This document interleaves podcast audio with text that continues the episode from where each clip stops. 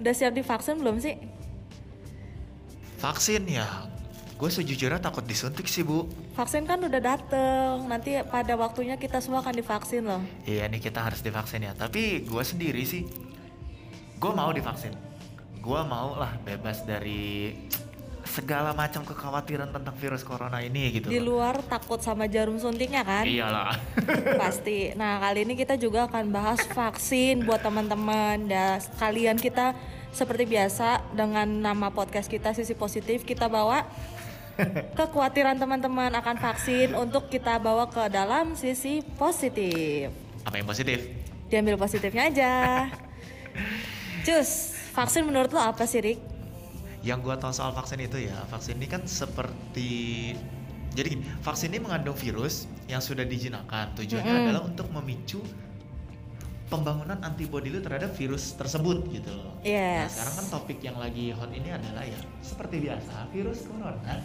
Masih ya. COVID-19 masih dan ini sekarang sudah beredar vaksinnya di Indonesia. Yeay. Yeay. Kita patut berbangga karena vaksinnya sudah nyampe di kita dan kita nih udah mulai terdistribusi ya. Iya. Kemarin tanggal 13 tuh RI 1 sudah divaksin dan ada beberapa orang juga yang sudah divaksin dan kita nantikan aja ke depannya tuh perkembangannya bagaimana.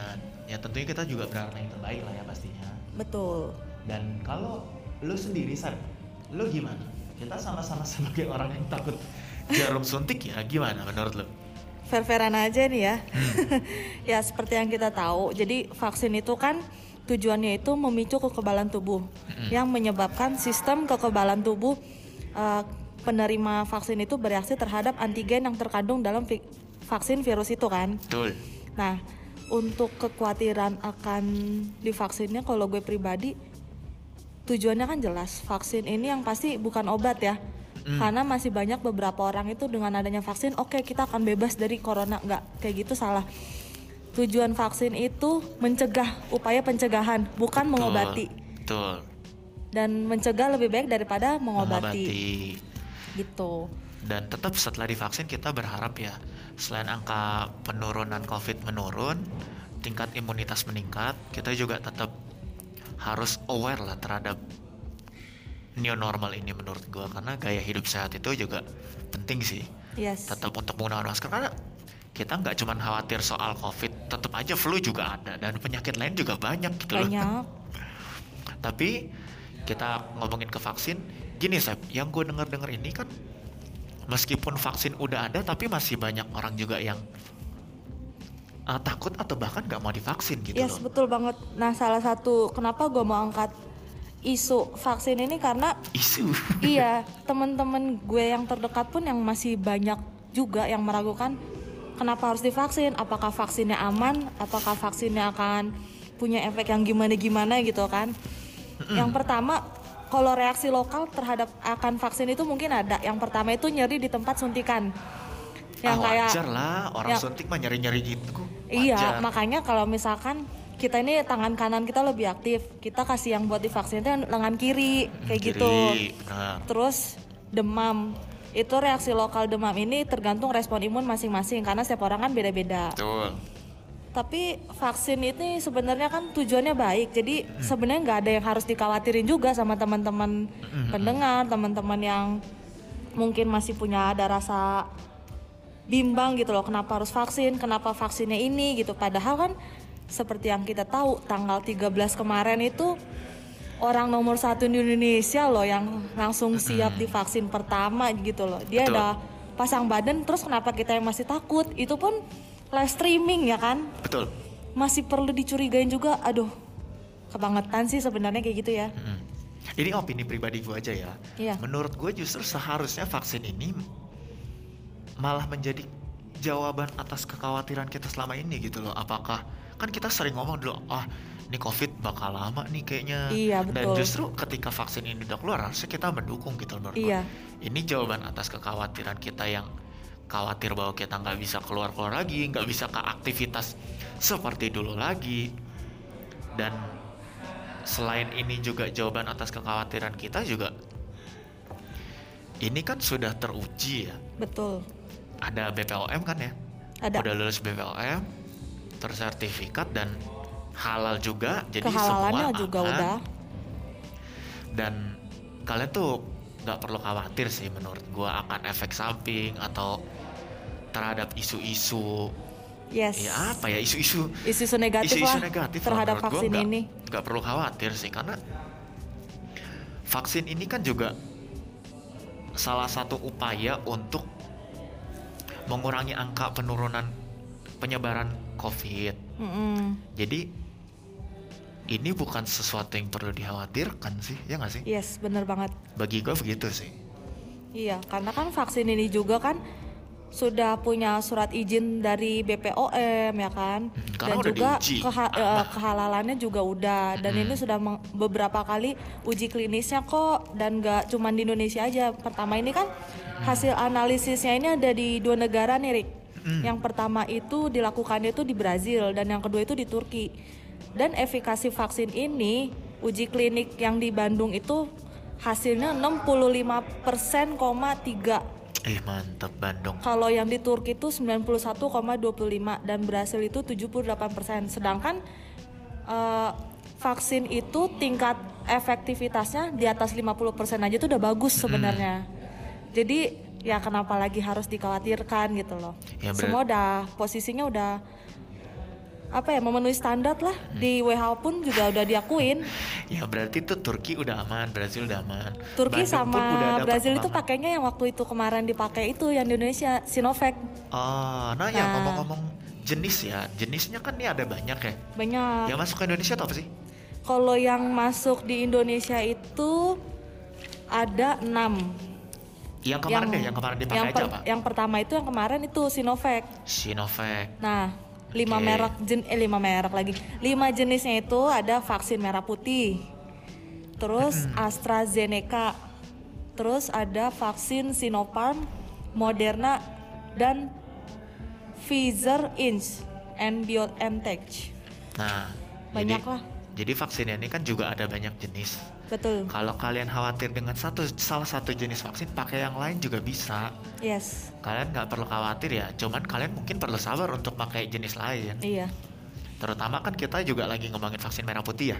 Heeh. Kita nanti seingat gua, kita nanti akan semuanya pakai vaksin merah putih. iya. yang setelah sudah dikembangkan tapi kan proses pengembangannya masih ja- masih lama Proses. ya kalau nggak salah masih dalam proses Iya. yang berarti nanti kita berarti akan kemungkinan pakai si Sinovac dulu ya Sinovac. Sinovac dulu nah jadi menurut gua secara pribadi apapun vaksinnya kalian nggak perlu khawatir sih Yes.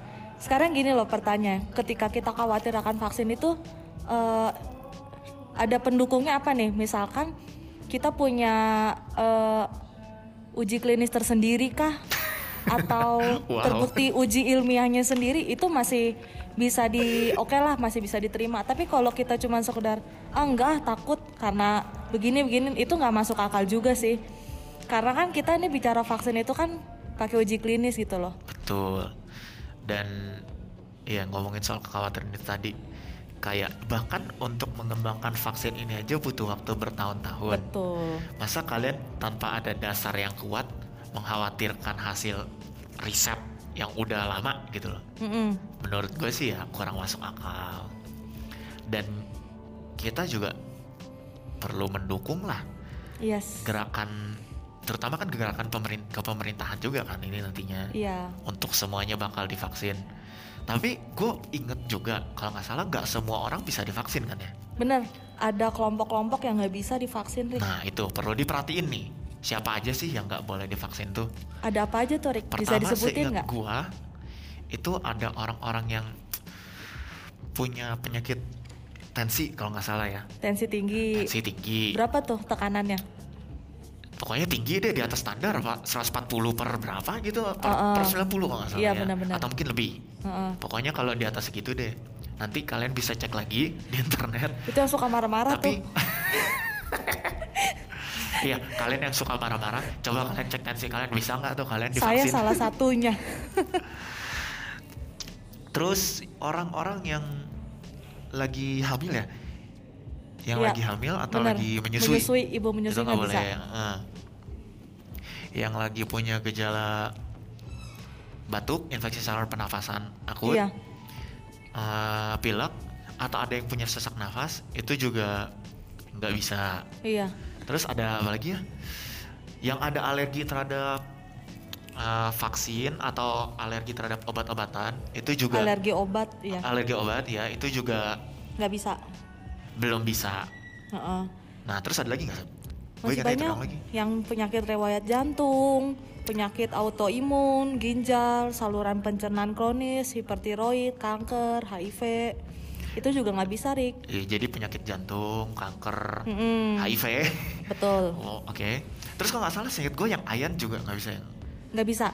yang nah, ada ini riwayat penyakit deh. Iya, ada riwayat yang ada penyakit pernah doang. kita riwayat penyak apa pernah positif itu juga nggak bisa, Rik. Yang pernah positif maksudnya? Pernah pernah positif COVID itu nggak bisa, dia menerima vaksin nggak bisa. Oh gitu. Dan kalau kita punya anggota keluarga yang kontak erat atau suspek terkonfirmasi sedang perawatan karena COVID-19 itu juga nggak masuk.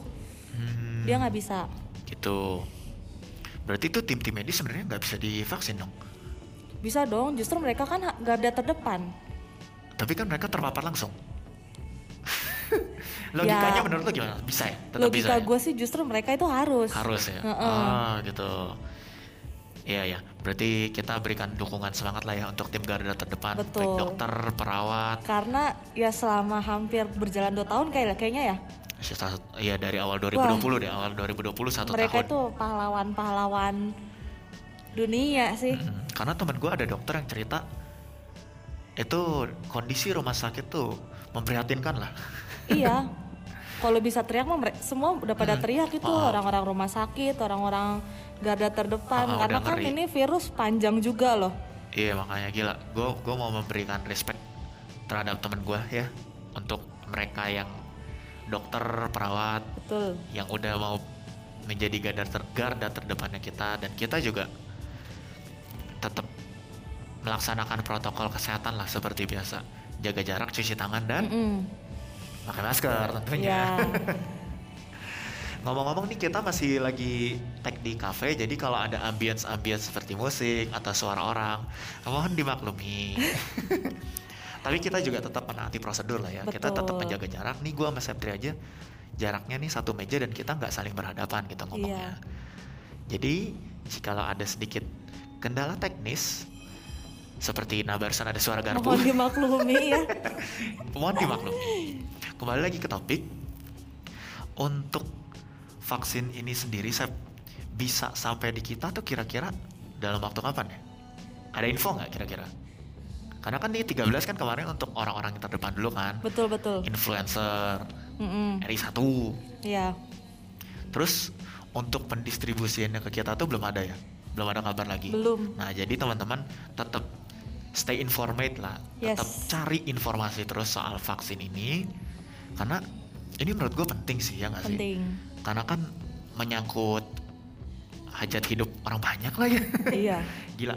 Ini masa depan banget sih. Dengan adanya vaksin ya, lo ada kemungkinan Harapan untuk- baru. Iya harapan baru gitu. Lo kemungkinan bisa beraktivitas seperti dulu lagi Benar.